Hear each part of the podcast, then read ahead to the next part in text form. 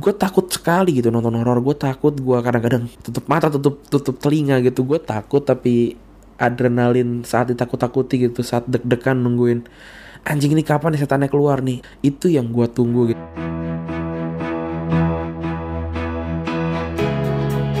Halo ini adalah podcast besok Senin buat tanggal 12 Agustus 2018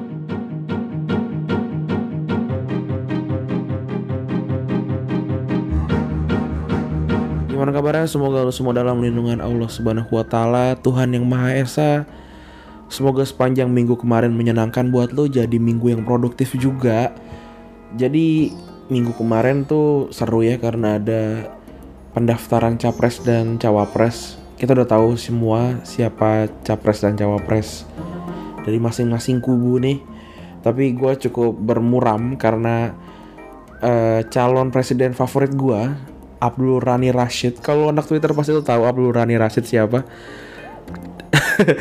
gue gue bahkan sampai sekarang gue nggak tahu dia beneran beneran mau nyalonin atau dia cuma trolling. Gue nggak tahu karena dia terlihat sangat tulus gitu. Lu bisa cek aja. Anjir gue nggak tahu nama akun twitter. Carilah Abdul Rani Rashid. Cukup lucu gitu. Gue nggak gue nggak mau ngomongin politik sih karena ya lu pasti sudah sering mendengar dari ahli-ahli politik gitu tentang ini. Jadi kita akan ngomongin hal-hal yang gua mengerti aja dan hal-hal yang mungkin lo mau dengarkan dari gua gitu. Oh ya sebelumnya selamat buat timnas Indonesia U16 yang baru aja juara AFF U16 dan semoga bisa masuk Piala Dunia ya karena nanti kan masuk ke Piala Asia. Semoga bisa berprestasi juga dan masuk Piala Dunia karena kita udah berapa tahun merdeka tapi kita nggak pernah masuk Piala Dunia sedih juga ya. Dan uh, gue minggu ini mau cerita tentang kesukaan gue tentang nonton film horor gitu karena banyak juga ya ternyata ya orang-orang yang nggak suka film horor gitu karena anjir ngapain lu bayar untuk ditakut-takuti itu? Ngapain? gitu. Uh, eh, gue actually nggak ngerti gue juga nggak tahu jawabannya gitu tuh karena gue tuh takut gue takut sekali gitu nonton horor. Gue takut gue kadang-kadang tutup mata tutup tutup telinga gitu. Gue takut tapi adrenalin saat ditakut-takuti gitu saat deg-degan nungguin anjing ini kapan nih setannya keluar nih? Eh ternyata nggak keluar gitu. Eh, tiba-tiba gue lagi santai-santai tiba-tiba keluar setannya. Itu yang gue tunggu gitu. Dan di 2018 ini nggak 2018 sih gue karena gue udah cukup lupa di awal-awal tahun nih di tiga bulan terakhir gue ada tiga film horor yang gue suka. Yang pertama ada Hereditary film luar. Um, terus yang dua lagi adalah film Indonesia yang satu kafir dan sebelum iblis menjemput. Nah kalau Hereditary itu oh ya tiga tiganya ini adalah film yang menceritakan horor yang agak beda gitu dan apa ya lebih ke atmosfer atmosferik horor gitu. Kayak di Hereditary itu hampir nggak ada hantunya sih hampir nggak ada hantunya tapi sepanjang film lo akan ngerasa nggak nyaman gitu. Tapi gue nonton tiga kali. Gue gue suka ketidaknyamanan ketika nontonnya gitu. Kayak uh, karena ini filmnya udah agak lama ya gue gue mungkin akan bisa sedikit spoiler ya. Jadi intinya film ini adalah pemujaan setan gitu. Ada ada sekte setannya gitu dan sekte setannya ini uh, diturunkan secara um, silsilah gitu seperti nama nama filmnya judulnya gitu. Dan ya uh, sepanjang film treatment treatment yang diberikan tuh sangat menyenangkan dan banyak apa ya banyak treatment untuk menakut-nakuti yang yang beda gitu. Sama kayak dua filmnya tadi yang lain seperti Kafir dan sebelum iblis menjemput kayak di Hereditary itu cukup ikonik sama suara kayak clock. Gimana cara cara bunyinya? Kayak lu tahu tahu botol ini? Tahu botol Yakult yang kalau lu potong udah habis gitu lu potong setengah terus ujung buat apa dasarnya lu pukul tok tok gitu. Nah bunyinya kayak gitu clock clock clock. Dan itu uh, jadi apa ya jadi menakutkan sekali gitu. Sekarang gue tidak akan bisa mendengar bunyi klok klok dari botol Yakult itu sama lagi. Gue gue masih ketakutan bahkan kalau dengar suara itu gitu karena cukup apa ya cukup memorable gitu. Dan untuk gue film-film horor yang yang gue suka dan gue sangat favoritin itu punya satu sosok yang memorable gitu yang dia adalah sumber sumber segala rasa takut gitu. Kayak di film Pengabdi Setan contohnya ada sosok ibu terus di Hereditary ini ada sosok Charlie namanya anak kecil anak kecil gitu yang tadi bunyi klaklok klaklok ini itu menakutkan buat gue. Uh, terus di film Kafir ini juga ada sosok ibu yang menakutkan ada sosok Mbah Sujiwo juga menakutkan. Terus di film sebelum iblis menjemput ini juga ada uh, Karina Suwandi di situ dia juga sangat menakutkan. Kalau kita mundur, ke belakang gitu kayak The Shining gitu atau kayak Rosemary Baby juga ada karakter yang yang menyeramkan di situ. Terus di kalau film slasher gitu ya kayak di Makabre kayak di Rumah Darah itu juga ada sosok sosok uh, Syarifah Danis yang bikin gue takut gitu. Um, dan treatment menakut-nakutinya kalau di si kafir ini um, apa ya? Anjir gue sorry sorry gue lupa tapi ada treatment yang gue gua nggak nemuin di film horor lain gitu kayak anjing ini baru nih gue gue ngerasa baru ditakut-takutin kayak gini di film ini. Gue ada tapi gue gue sorry gue lupa. Dan di film sebelum iblis menjemput ada juga yang karena ini filmnya baru ya jadi gue nggak bisa spoiler tapi ada juga bagian yang kayak anjing bangsat lah gitu kayak ada bagian bangsat gue nggak gue nggak nyangka kalau gue ditakut-takutin di momen ini gitu dan itu yang gue tunggu juga di ketika gue nonton film horor gitu.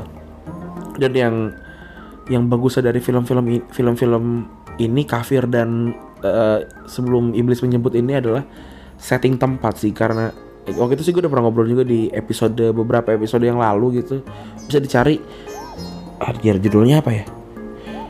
Uh, rumah rumah film rumah aduh sorry gue gue lupa ada gue gue pernah bikin beberapa episode yang lalu gue pernah bikin tentang tentang setting tempat di film horor di Indonesia gitu. Nah di di kafir dan di sebelum iblis menjemput ini setting tempatnya sangat sangat believable gitu, sangat Indonesia sekali yang yang gue bisa relate kalau oh gue gue akan bisa tinggal di tempat ini gitu kayak rumahnya sederhana gitu, rumahnya sangat sangat apa ya sangat Jawa gitu sangat Iya, ya lu tak lu lu kayak datang situ kayak anjir nih kayak rumah teman gue yang ini, yang ini, yang ini gitu. Tapi kalau di beberapa film horor yang apa ya? Gue gue boleh ngomong kacangan gak sih? Boleh ya. Gue nggak boleh ngomong gue boleh ngomong kacangan ya. Nah, di film-film horor kacangan ini uh, setting tempatnya tuh kayak anjir nih rumah gede. Rumahnya kamarnya banyak rumahnya ada perapian. Rumahnya terlihat selalu rapi gitu. Uh, sekarang kalau gue tanya ke lu dari 100 orang temen lu ada nggak yang rumahnya punya perapian? Mungkin ada satu mungkin ada dua gitu tapi tapi dari 100 gitu banyak banget yang tidak punya. Jadi kalau gue gue sih nggak nggak nggak kebeli tuh. Gue gue nggak percaya kalau ini nggak ini nggak nyata nih ini nggak nyata ini cuma di film gitu loh. Tapi kalau di rumah yang yang gue sangat familiar gitu ya gue ya gue takut gitu karena anjir nih kayak rumah gue nih gitu. Ini kayak sudut-sudut di kamar gue nih gitu.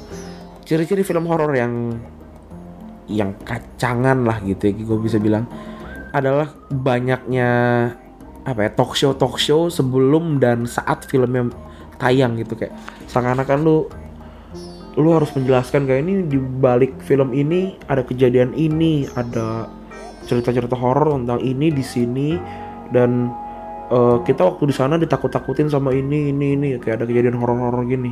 Itu kalau menurut gue itu menunjukkan kalau lu tuh nggak nggak pede untuk sekadar jualan filmnya aja gitu lu seakan-akan harus ngasih tahu kalau ya kita kita juga nggak tahu kalau itu benar atau enggak kan kita kita nggak pernah dapet dapat bukti langsung ya gitu. Itu cuma cerita gitu. Uh, ya gitu jadi kayak seakan-akan kayak ini kayak ini harus harus orang-orang harus tahu kalau memang tempat ini memang angker gini.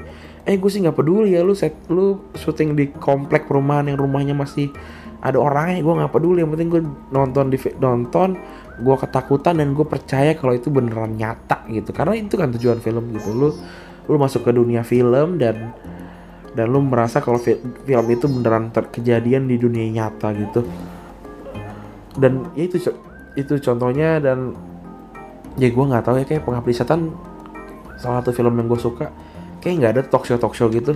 Ya ada sih kayak cerita tentang kejadian di back di ba- di balik layar gitu tapi tapi itu nggak jadi jualan itu nggak jadi jualan gitu Em, kayak di kafir dan di sebelum iblis menjemput gua juga nggak tahu ada cerita-cerita di balik itu gitu. Padahal gue nyari ini gue nyari.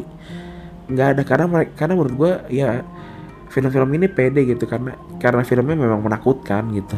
Dan satu lagi yang menurut gue anjir filmnya film Indonesia yang film horor Indonesia yang yang nyebelin lah gitu adalah eksploitasi suara gitu kayak lu nonton gak sih 13 di Haunted? Itu filmnya Raffi Ahmad Cinematic Universe.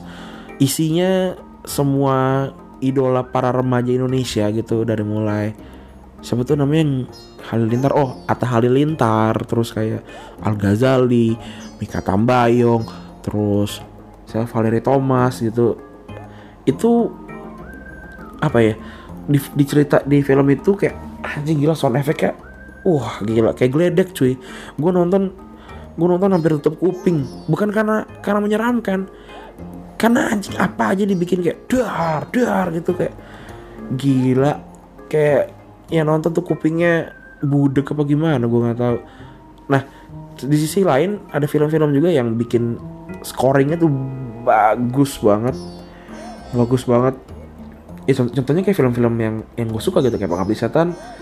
Kayak bahkan kayak soundtracknya yang kelam malam yang Dispose itu tuh ada di playlist gue gitu saking saking gue sukanya gitu. Dan jadi jadi salah satu eh, apa fil eh, sorry soundtrack yang ikonik gitu. Dan scoringnya bagus banget. Gue lupa siapa scoringnya tapi dia dapat dapat piala citra setahu gue.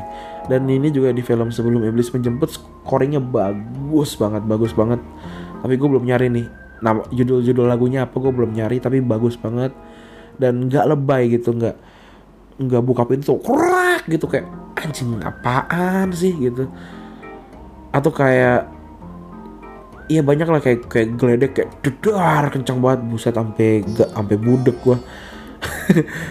ya gue nggak suka aja gitu. Tapi ya mungkin kalau lu suka ya ya nggak masalah gitu. Dan ada lagi yang ciri-ciri film yang nggak asik gitu yang nggak nggak seru gitu menurut gua adalah setannya se- sangat narsis gitu kayak buset tiap tiap lima detik coy ada setannya ya ini emang film setan gitu tapi nggak ya nggak selamanya harus ada setannya mulu gitu. Makin lama kan makin makin sering lu lihat si hantunya itu makin makin tidak takut lu gitu di film itu. Ya kalau gue ya kalau gue sih ngeliat pertama kayak bayangannya anjing gue deg-degan kayak gimana bentuknya segala macam kayak lihat siluetnya kayak wah gue gue membayangkan kalau kayak gini kayak gini kayak gini pas nun- nunjukin aslinya kayak wah anjing kaget gitu. Nah tapi setelah itu kan udah intensitas. Ketakutannya menurun menurun menurun menurun dan makin lama tidak takut gitu. Dan itu yang terjadi di kebanyakan film Indonesia yang anjir ini hantunya udah make upnya jelek sering nongol terus bentuknya masih kayak manusia. Ya gue nggak gua nggak yakin itu itu serem gitu. Tapi memang apa ya gue sih memang cukup cukup takut sama ber- yang bentuknya masih menyerupai manusia gitu. Karena karena sangat believable kayak kayak oh ini beneran ada gitu. Jadi gue gue cukup takut. Dan ya gue sih berharap ya film-film yang kayak gini yang film karena menurut gue film-film yang gue anggap kacangan dan film yang gue anggap bagus ini sepertinya ya sepertinya gue curiganya budgetnya sama budgetnya sama tapi niatnya beda gitu. Niatnya satu cuma nyari duit ya semua memang nyari duit tapi yang satu lagi bikin karya dengan baik gitu. Dengan niat dengan proper gitu. Dan yang satunya lagi yang bikin karya seadanya terus budget promonya gede semua orang tahu jadi penasaran nonton padahal maksud anjing jelek gitu. Atau atau satu lagi kayak ini budget bikin filmnya gede gitu tapi tidak bahkan tidak punya budget untuk promo malah jadi flop. Tapi ya gue bak gue lebih respect yang itu sih kayak eh gue tuh orangnya kayak makin sedikit orang yang tahu makin makin bangga lah gue ketika gue tahu juga gitu. Ya emang semu sih tapi ya mau gimana? Eh ya gue sih berharap sih tahun tahun ini uh, dan tahun-tahun depan tuh banyak film yang yang sesuai dengan kemauan kemauan gue sebagai penonton film horor yang nggak cuma kacangan dulu film-film horor kan identik dengan tete terus pemain bokep terus kayak artis-artis cuma pakai badan doang gitu. Sekarang kan sudah berkurang tapi apa kualitasnya masih masih ada di level itu gitu. Gue pengennya sih enggak uh, pengabdi setan pengabdi setan kafir sama si siapa sebelum iblis menjemput ini bukan film terbaik Indonesia gitu. Gue berharap tahun depan lagi setelah ada film-film ini jadi terpacu gitu. Karena kafir dan uh, kafir dan pengabdi setan itu apa ya secara premis cukup sama. Ada banyak banget kesamaan. Lu mungkin pas awal-awal kayak ngeliat anjir ini kayak pengabdi setan banget. Iya gitu tapi tapi ini adalah upgrade yang baik setelah pengabdi setan sih menurut gue dan itu arguable juga. Ada yang bilang bagusan kafir dan ada yang bilang bagusan pengabdi setan itu pilihan lah. Tapi gue berharap standarnya ada di situ nih. Ini standar jadi standar terendah lah film sehingga setelah setelahnya jadi di atas atas itu semua gitu. Anjir udah 16 menit. Kan kelamaan ngomong gue udah thank you yang udah dengerin. Um, podcast ini bisa lo dengerin di semua platform ada di SoundCloud, di Anchor, di Spotify, di mana-mana. Silahkan didengarkan dan kalau berkenan silahkan komen, silahkan di subscribe, silahkan di repost, disebarin ke teman-teman lo juga. Kali aja ada yang suka sama bahasan-bahasan kayak gini. Terus bisa lu screenshot juga, lu taruh di Instastory, lu tag nama gue. Um, Randy himself kalau di Instagram, kalau di Twitter uh, RND 11 lu bisa ngobrol sama gue gue sangat senang. Atau lu bisa email juga ada emailnya di di SoundCloud ada tuh podcast besok Senin at gmail.com silahkan kita ngobrol-ngobrol di situ. Thank you udah dengerin lu dengerin gak dengerin besok tetap Senin. Bye bye